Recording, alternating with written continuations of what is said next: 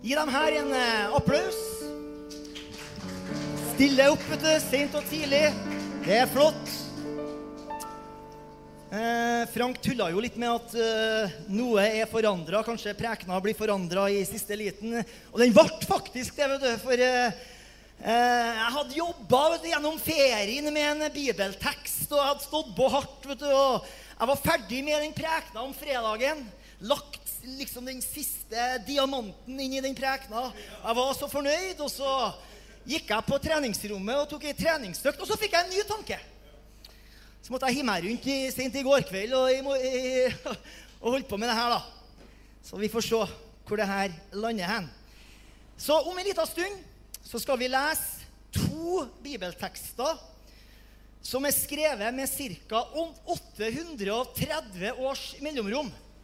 Og det poenget som jeg ønsker å få fram, det er at noe er forandra i himmelen. Og dermed så er alt forandra her på jorda. Eh, du vet, Det vi nettopp var med på her nå, det er et mysterium. For det, er et mysterium som skjer hver eneste gang vi tilber Gud. Tilbedelse av Gud, du vet, det, det starter ikke med oss, og det slutter ikke med oss. Når vi begynte å tilbe Gud her en søndag klokka 11, så starta ikke med oss klokka 11. Og det slutter heller ikke med oss når du pakker sekken og setter deg i biler og drar hjem. Og jeg, refererer ikke til det faktum at jorda er rund, og at pga. tidssonene så er det, er det jo allerede noen som har prist Gud lenge før oss. Og etter oss så er det noen som skal ta over og prise Gud. Jeg syns det er litt kult å tenke på at rundt jorda 24 timer i døgnet så løftes navnet Jesus opp. Og jeg og du, vi får lov til å være med på det. Men det er ikke det jeg mener, og jeg refererer heller ikke til at det som Bibelen snakker om, at hele skaperverket konstant priser Gud, himmelen forkynner Guds herlighet, trærne skal klappe i hendene, står det. Det er jo herlig, men det, jeg snakker ikke om det heller. Det jeg snakker om, det er at når jeg og du tilber Gud her i vår jordiske tilværelse, så går vi egentlig inn på et møte som allerede har vært i gang. I den himmelske dimensjonen. Helt fra tidenes begynnelse. Litt sånn filosofisk. Det er et mysterium. Så det å tilbe Gud her på jorda, det er på en måte å bli en deltaker i et lovsangsmøte som alltid har vært i gang i himmelen. Du skjønner, ting er ikke sånn som de ser ut til å være. Det er så mye mer som skjer. Rundt oss, i oss, for oss og gjennom oss. Enn det jeg du klarer å få med oss. Så lenge før vi mennesker i 2020 kom sammen på denne her søndagen klokka 11 for å tilbe Gud, ja, lenge før vi ble skapt, så har tilbedelse av den levende Gud pågått dag og natt. Natt og dag. I veldig, veldig lang tid. Og mysteriet i det her, det er at når vi mennesker kobler oss på og begynner å tilbe her, så går vi egentlig inn i det herre alltid pågående tilbedelsesmøtet som har stått skrudd på opp i himmelen fra tidenes morgen. Det er kult. Og grunnen til at det er sånn, tror jeg har litt med hvordan Gud har konstruert hele greia, hele universet. Ikke universitetet, men universet. Du vet, Jeg og du har ofte en forestilling om at himmelen, det er noe fjernt. Det er uvirkelig. Det er langt bort, både i, i tid og rom. Liksom. Det er nesten som vi ikke tror på det. vet du. Selv om vi mener, vi leser Bibelen, vi, vi tror jo på det, men det virker så fjernt. Men Bibelens budskap det er at himmel og jord er veldig nært knytta til hverandre. Grensa mellom himmel og jord er veldig tynn. Veldig tynn. Himmelen er ikke langt bort. Ja, det er en annen dimensjon i det vi kaller for den skapte orden, men den er veldig nær. Jeg tenker at himmelen ja, det er nok en plass, men samtidig så er det også en dimensjon som omgir vår jordiske tilværelse. Og av og til så opplever vi at himmelen bryter inn i vår tilværelse. Grensa mellom himmel og jord er veldig tynn. Så når folk dør, så drar ikke dem langt bort. På engelsk så sier de jo liksom 'He passed away'. Han gikk bort. For meg så blir det litt feil. Jeg syns det er bedre å si 'He passed through'. Han gikk igjennom. De gikk igjennom denne veldig tynne grensa, som ikke er langt bort, som er veldig nær. Og mysteriet er at når vi som disipler av Jesus går inn i en stund av tilbedelse, som vi gjorde her, på denne sida av grensa, så deltar vi på en mystisk måte i tilbedelse av Gud, som alltid har pågått på den andre sida. Og hvis det stemmer, som jeg tror det gjør Det bruker å stemme, det jeg sier. Så Hvis det stemmer, så bør ikke spørsmålet etter et møte være liksom Hva fikk jeg ut av det her? Det blir altfor egosentrisk. Det rette spørsmålet å stille blir da Gikk jeg gjennom? Kom jeg over på den andre sida? Deltok jeg i tilbedelsen som alltid har pågått? Deltok jeg i tilbedelse av den levende Gud som aldri tar slutt? Det var innledninga. Da skal vi gå til Bibelen. Og Paulus han sier jo 'legg vind på opplesning av Skriften'. Og det skal vi gjøre til gangs her. For Bibelen tegner et bilde av denne tilbedelsen som alltid har pågått. Og det bildet det blir tegna for at vi her på jorda skal vite hvordan vi skal tilbe her, så at Gud får ære. Og de to tydeligste bildene av det vi kan kalle for himmelsk tilbedelse, det ble gitt oss av profeten Jesaja og apostelen Johannes. I Jesaja 6 og Johannes' åpenbaring, kapittel 4 og kapittel 5. Jesaja 6 foregår i år 740 før Kristus. Åpenbaringa 4 og 5 foregår i år 92 etter Kristus. Og det er et tidsrom der på ca. 800 og hva jeg sa i sted? 30, ja, 30 år. Ok, da leser vi. Jesaja 6, 1. I det året da kong Ussia døde, så jeg Herren sitte på en trone, høyt og oppløftet. Slepet av hans kappe fylte tempelet. Serafa sto over den. Hver av dem hadde seks vinger. Med to dekkene ansiktet, med to dekkene føtter og med to fløyen. En ropte til en annen og sa, Hellig, hellig, hellig Vi sang det her i sted, vet du. Er herskarenes herre. Hele jorda er full av hans herlighet. Dørtersklene festa rista ved røsten av han som ropte, og huset ble fylt med røyk. Da sa jeg, ved meg, jeg er fortapt. For jeg er en mann med urene lepper. Jeg bor midt iblant et folk med urene lepper. Mine øyne har sett kongen, herskarenes herre. Da fløy en av serafene bort til meg. I hånda hadde han en glødende kullbit som han hadde tatt med ei tang fra alteret. Han rørte ved munnen min og sa, Se, denne har rørt ved dine lepper. Din misgjerning er tatt bort, din synd er dekka over.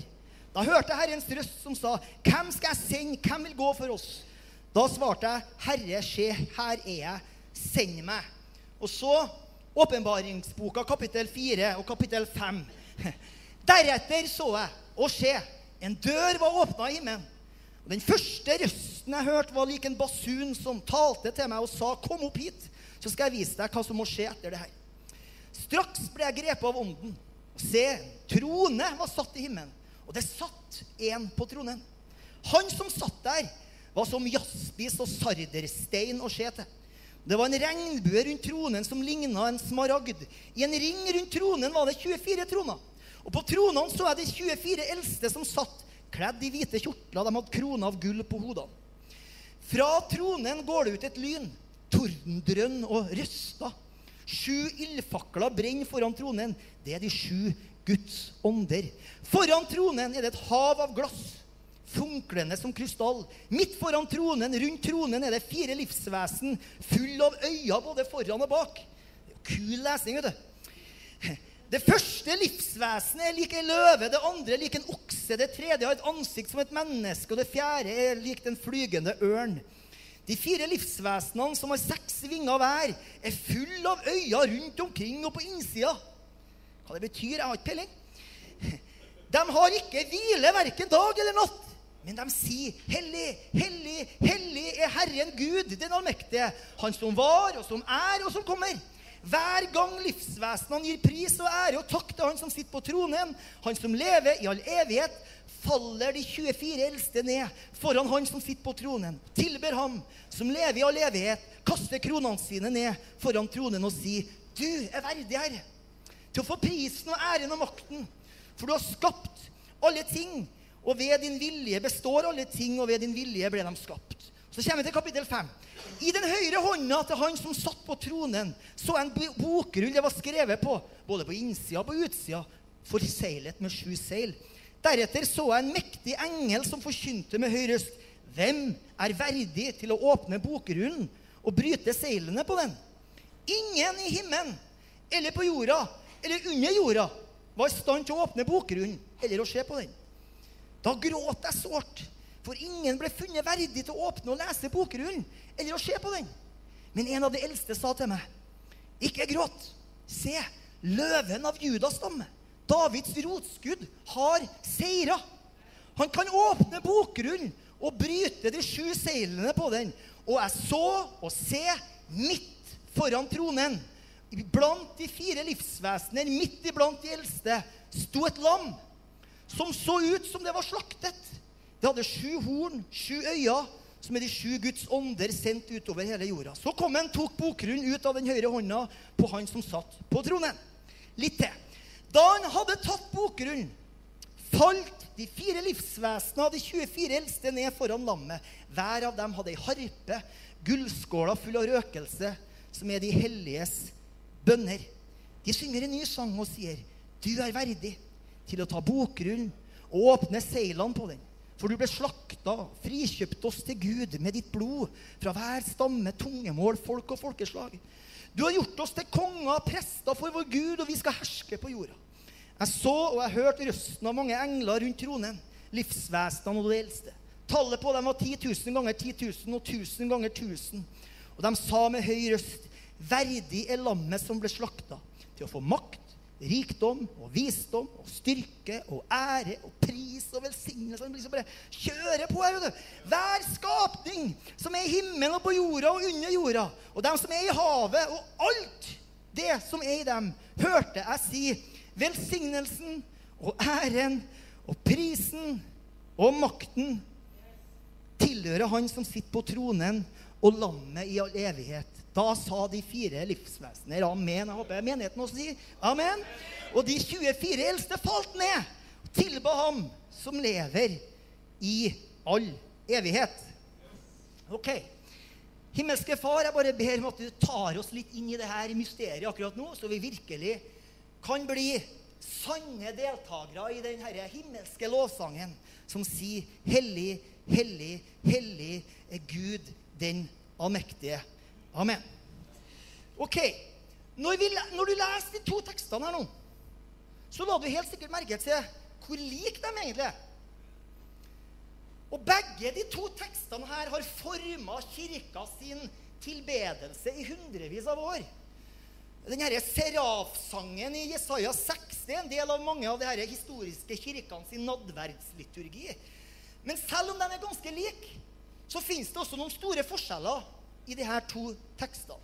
Altså fra år 740 før Kristus i Jesaja 6 og til 92 etter Kristus i åpenbaringa 4 og 5, så er det noe som er forandra. Noe i den himmelske lovsangen er forandra. Og instinktivt, siden du er litt sånn bibelsprengt, så skjønner jo vi at det har noe med før Kristus og etter Kristus å gjøre.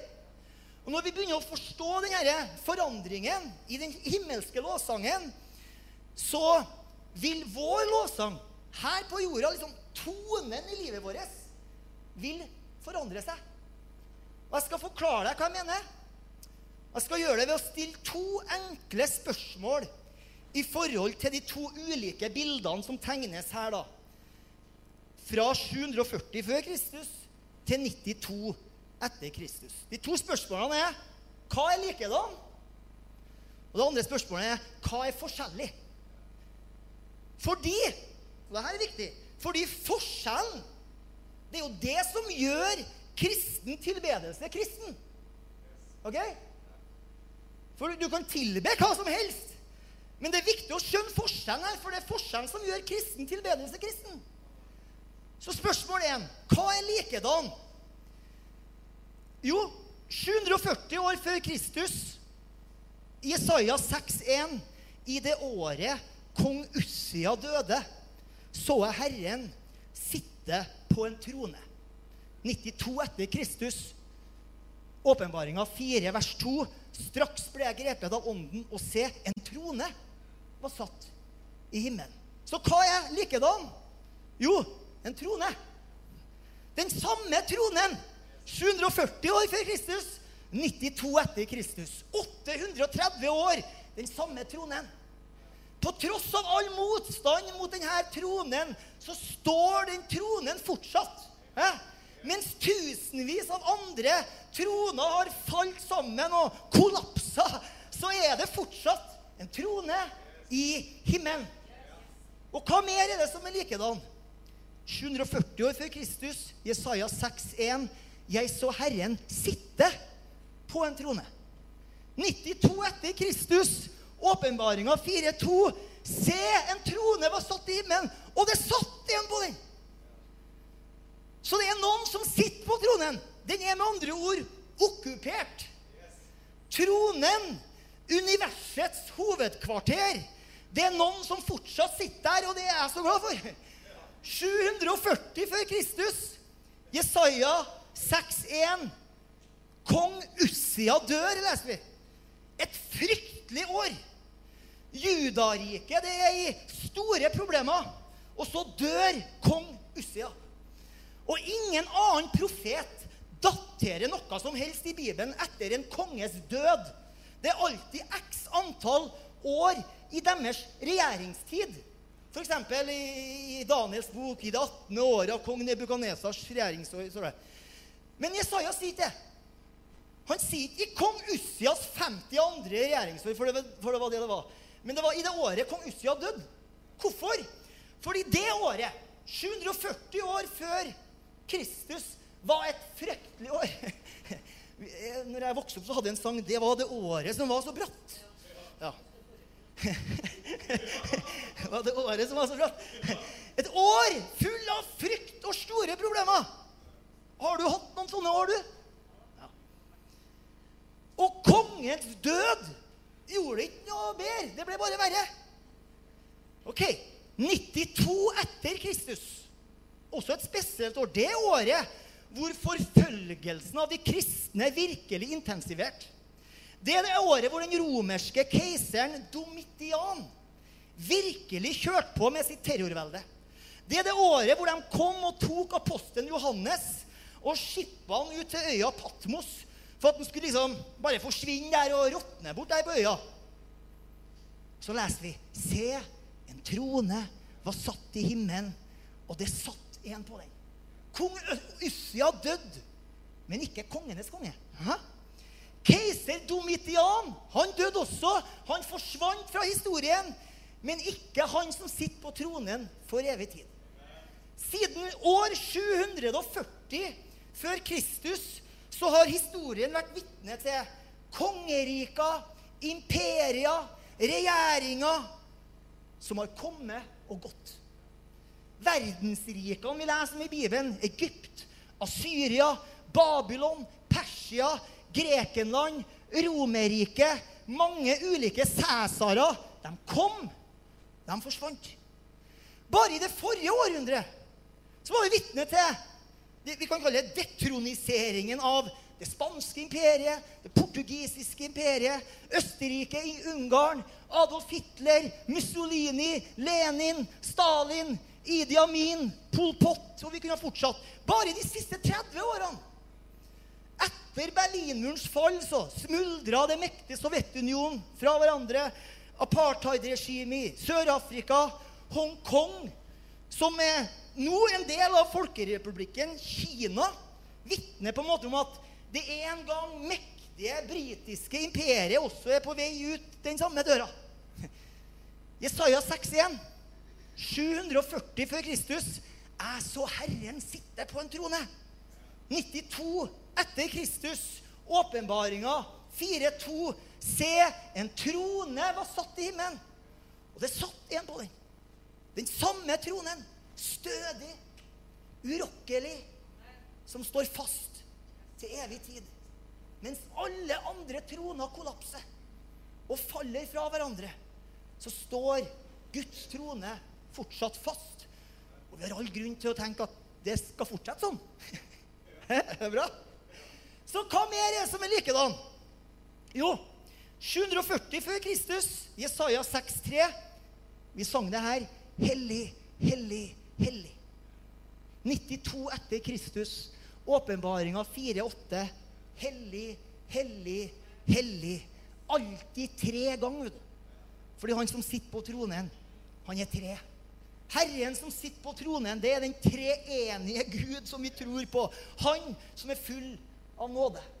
Og alltid tre ganger for å understreke at den herre hva skal vi kalle det, essensielle karakteren og naturen til han som sitter på tronen, er hellig, absolutt hellig. Det impliserer skjønnhet, renhet, som ikke har forandra seg med tida. Like skjønn og ren i 92 etter Kristus som 740 før Kristus. Hellig, som også betyr helt annerledes og atskilt. Og det er viktig å ha med seg. For ja, vi er skapt i Guds bilde. Men han er ikke skapt i ditt bilde. Som vi, ønsker, som vi ofte ønsker at den skal være. Ok, Hva mer er likedan? 740 før Kristus så leser vi om serafa, som betyr de brennende, eller de flammende, som hadde seks vinger. 92 etter Kristus, åpenbaringsboka, leser vi om fire livsvesen som hadde seks vinger. Og i begge her bildene så så, så, så, tegner Eller vi leser om himmelske vesener. Serafa, eller kjeruber, eller hva det som står rundt tronen dag og natt. Og Johannes sier de har verken hvile dag og natt. Altså, De blir aldri lei av å repetere igjen og igjen. Hellig, hellig, hellig. På hebraisk så tror jeg det er en sånn kadosh, kadosh, kadosh. Sanktos, sanktos, sanktos. Hæ? Litt sånn språk. Latin her, vet du. Får det helt gratis. Dag og natt. Hellig, hellig, hellig. Så hva er det samme i de her to bildene? Jo, en trone. En som sitter på tronen. Og tronen er omgitt av vesener som ikke kan stoppe opp med å synge 'Hellig, hellig, hellig'. Men i bildet som tegnes i åpenbaringsboka, så er det en del ting som har blitt litt forandra. Og det er jeg glad for. Så mellom 740 før Kristus og 92 etter Kristus så har det måttet ha skjedd noe. Aha. Og det fører oss til spørsmål to. Hva er forskjellig? For det er det som gjør kristen tilbedelse kristen. Legg merke til for det første at etter at Johannes ble ført foran tronen, så ser han til sin store overraskelse 24 andre troner. Ja. Så prøv å visualisere. Han ser tronen med stor T. Og 24 andre, kanskje mindre, troner rundt tronen med stor T. Er det rivaliserende troner som prøver å ta over? Nei, jeg tror ikke det. For meg så virker det som at den levende Gud har valgt å sette opp 24 andre troner. Den levende Gud har valgt å føre andre inn for også å styre og regjere. For det er det en trone representerer. 24. To ganger tolv. Vet du om det ringer ei bjelle for det? For det var tittelen på den andre prekena. Det bør ringe ei bjelle. Så den, den, kommer jeg til å preke om en stund. Det bør ringe ei bjelle. To ganger tolv tenker jeg representerer Guds folk. Tolv representerer Guds folk Før Jesu død oppstandelse, Israelsfolket, de tolv stammene. Tolv representerer Guds folk etter Jesu død oppstandelse, menigheten. Det har ikke jeg funnet på sjøl. Det, det er mye teologer som er smartere enn meg. En, eller vi kan også si at det er en oppfyllelse av Jesu løfte om at dere skal regjere sammen med meg. Og også en oppfyllelse av Guds opprinnelige hensikt med menneskene. Helt fra skapelsen av i, i første Mosebok, hvor han sier at vi skal herske og regjere med Han, og vi skal over jorda og legge den under oss. Tronen med stor T kan ikke rokkes. Men det kan heller ikke de 24 andre tronene. Gjennom hele historien. Med mange oppturer og nedturer, kriser og alvorlige situasjoner, også her i kirka, så er Guds menighet fortsatt her. Fordi Jesus sa 'Jeg skal bygge min menighet', og dødsrikets porter skal ikke få makt over den. Dødsrikets porter de har prøvd, de prøver, og de kommer til å prøve. Men de vant ikke før, de vinner ikke i dag, og de kommer ikke til å vinne i framtida heller. 24 andre troner. Det er litt kult. Men hva mer er forskjellig? Jo, dem som står foran tronen, er annerledes. De oppfører seg annerledes. 740 år før Kristus, Jesaja 6. Serafa med seks vinger. Og så står det Og med to dekket de sitt ansikt. De dekka sitt ansikt. Hvorfor gjorde de det? Jo, de fleste er enige om at Pga. denne intense skjønnheten og renheten til han som sitter på tronen, så dekker de sitt ansikt. Som skapninger så kan de på en måte ikke takle fullt ut. De kan ikke utholde skjønnheten og renheten. Og det er derfor Jesaja sjøl sier ved meg, når liksom er i Guds nærhet, ved meg, jeg er fortapt. Jeg er en mann med urene lepper, bor midt iblant et folk med urene lepper, og mine øyne har sett kongen, herskarenes herre. Det virker på en måte som om det skapte ikke er i stand til å utholde den perfekte skjønnheten og renheten. 92 etter Kristus, åpenbaringa 4 og 5, leser vi om de her fire livsvesenene med seks vinger. Men det nevnes ikke i hele tatt at de dekker ansikt eller øyne med to vinger. Istedenfor så sier Johannes det her er det kule, at de livsvesenene med seks vinger er fulle av øyne. Både foran og bak, og et par vers etterpå omkring og på innsida. Og jeg har ikke peiling hva det betyr, men det er kult. Og de er i hvert fall fulle av øyne. 740 før Kristus så dekka de sine øyne. 92 etter Kristus så er de fulle av øyne. Foran og bak, omkring og på innsida. 740 år før Kristus så kunne de ikke takle skjønnheten og renheten, så de måtte dekke sine øyne. 92 etter Kristus. Så det er ikke bare sånn at de ikke dekker øynene. De er fulle av øyne. Foran og bak, omkring og på innsida. Da, da er det overalt, da. Så noe må ha skjedd. Sånn at skapningen kan betrakte hellighet. Så at skapningen kan se Gud i sin skjønnhet og i sin renhet. Noe må ha skjedd for å tillate at skapningen kan stå i nærværet av det hellige uten å bli fortært. Eller som jeg sier til ungdommene, uten å bli grilla. Så hva er det som har skjedd? Har de gått gjennom et åndelig program? og dratt seg i håret og blitt åndelig nok, som vi ofte prøver å gjøre? Eller har de oppnådd et høyere nivå av åndelighet fordi de har tatt seg sammen? Nei. Og nå kommer vi til selve hjertet og hva som er forandra.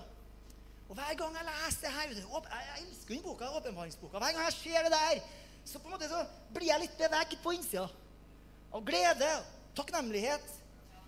Fordi i åpenbaringsboka 5 og vers 6. Og her er kanskje eneste plassen hvor 2.11 er litt bedre. Her er eneste plassen hvor 2011-oversettelsen er litt bedre. ok? Og der står det Eh, der står det i 2.11 Midt på tronen. For til meg står det 'midt foran tronen'. Men midt på tronen. Eller i NIOI så står det 'i sentrum av tronen'. Midt i tronen. Midt på tronen. Ikke ved siden av, eller litt i utkanten, men midt på tronen. Jeg så i sentrum av tronen Hva så jeg for noe? Et lam. Aha. I verset før så står det Løven av Juda har seiret. Han kan åpne boka. Jeg snudde meg for å se underforstått løver, ikke sant? Og se, midt i tronen sto et lam. I sentrum, midt i tronen. Og jeg ble aldri lei av å gjenta det. Midt i tronen sto et lam. Som bare kan bety at han er på en måte i midten av han som sitter på tronen. Midt i det hellige som sitter på tronen. Midt i den skjønnheten og renheten som skapningen ikke kunne takle før Jesu død oppstandelse. Så så jeg midt i alt det der et lite lam som så ut som om det var slakta. Og det er det som har skjedd. Det er det som har skjedd. Lammet ble slakta. Jesus døde. Guds lam som har båret bort og tatt bort verdens synd, har blitt slakta. Det er derfor det også finnes 24 andre troner. De representerer både lammets folk som er kjøpt med hans blod. Det er derfor de som kommer fram til tronen, ikke trenger å dekke øynene sine lenger. For det er noe som har skjedd, sånn at vanlige skapninger kan komme inn i Guds nærvær uten å bli grilla. Jesus, Guds lam, har tatt din synd. Og det forandrer alt på utgangspunktet og årsaken til vår tilbedelse. Hele dynamikken i vårt gudsliv er forandra. Hele tonen, hele kroppsholdningen, liksom hele følelsen er forandra. 740 år før Kristus, i Jesaja 6,2, så dekka skapningen sine øyne. 92 år etter Kristus så er skapningen full av øyne. Åpne øyne. Foran og bak, omkring og på innsida. En annen stor forskjell er at det er tonen i språket til menneskene. 740 før Kristus, i Jesaja 6, når Jesaja er i Guds nærvær, så roper han Ved meg! Jeg er et syndig menneske med syndige lepper. 92 år etter Kristus, åpenbaringsboka 4 og 5, når Johannes er i Guds nærvær, så, roper, så ropes det 'verdig, verdig, verdig er lammet som ble slakta'. Så før Marias lille lam døde, så var kroppsholdningen helt annerledes. Språket var på det frykt og avstand. Ved meg, et syndig menneske, jeg er ikke verdig til å komme innenfor Gud. Etter at Marias lille lam døde og sto opp igjen, så er kroppsspråket, kroppsholdningen og språket i tilbedelsen er på en måte glede og takknemlighet. Verdig, verdig er du. Du som gjorde det mulig for meg å være her. Ja, når vi kommer innenfor Gud i all sin skjønnhet og renhet, så er det mulig at liksom vårt umiddelbare instinkt hoster fram et ved av og til. og, du, og, du, husker kanskje Peter, ikke sant? det første møtet med Jesus på stranda etter den første mirakelfangsten av fisk. Så liksom slengte han seg ned. 'Vik fra meg, en syndig mann.' Men det er ikke tonen, liksom. For når vi ser i midten av tronen i sentrum av tronen, midt i renheten, skjønnheten og helligheten. Når vi ser Jesus korsfesta, død, begrava og oppstått, så er det på en måte en annen greie som tar over. da. Du kjenner med en gang et behov for å kanskje bøye kne, men å, å si 'verdig'. Verdig er lammet som døde for meg, så at jeg kunne få lov til å leve. I Jesaja 6 740 år før Kristus, i sentrum av universet, så er det fullkommen hellighet, skjønnhet og renhet. I åpenbaringsboka 4 og 5, 92 år etter Kristus, så er det også fullkommen hellighet, skjønnhet og renhet. Men midt i den helligheten så er det også ubeskrivelig nåde og barmhjertighet. Nåde større enn din synd. Nåde større enn din skyld og større enn din skam. Fordi midt i tronen, i sentrum for all denne herligheten, så er lammet som døde for å ta bort verdens synd. Helt til slutt. Simon, du kan komme opp det. Åpenbaringsboka 4.11. Der leser vi Du er verdig, Herre, til å få prisen, æren og makten. Og i åpenbaringsboka 5 og vers 12 så leser vi verdige lammet som ble slakta, til å få makt og rikdom, visdom, styrke, ære, pris og velsignelse. Jeg tenker, Hvorfor, hvorfor sier Johannes det på denne måten? Verdig til å motta kraft og rikdom, visdom, styrke, ære, pris og velsignelse. Jo, han sier det selvfølgelig fordi det er sant. Men han sier det også for å komme med en slags statement til sine samtidige. Til samtiden. Dette er en statement i forhold til den romerske tronen, som i sin arroganse trodde at de var sentrum i universet. De romerske keiserne de trodde om seg sjøl at de var guddommelige. Keiser Domitian, som var keiser når Johannes ble sendt på Patmos, han ønska å bli kalt Dominus et deus, som betyr herre og Gud. Og når han gikk inn i senatet, så måtte alle bøye seg ned, og de måtte synge sangen med nøyaktig samme tekst. Verdig er du til å motta kraft, rikdom, visdom, styrke, ære, pris og velsignelse. Og Johannes sier nei! Og hele skapningen joiner liksom Johannes og sier nei, nei, nei, nei, nei. Det er bare én som er verdig til å prises.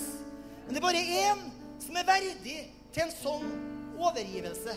Og det er han som sitter midt på tronen. Og han har aldri tenkt å flytte på seg. 740 før Kristus, i Isaiah 6, så er det liksom Ved meg, er en syndig mann. Åpenbaringsboka 4 og 5, 92 etter Kristus, så er det Verdig er du, verdig er lammet som døde for meg.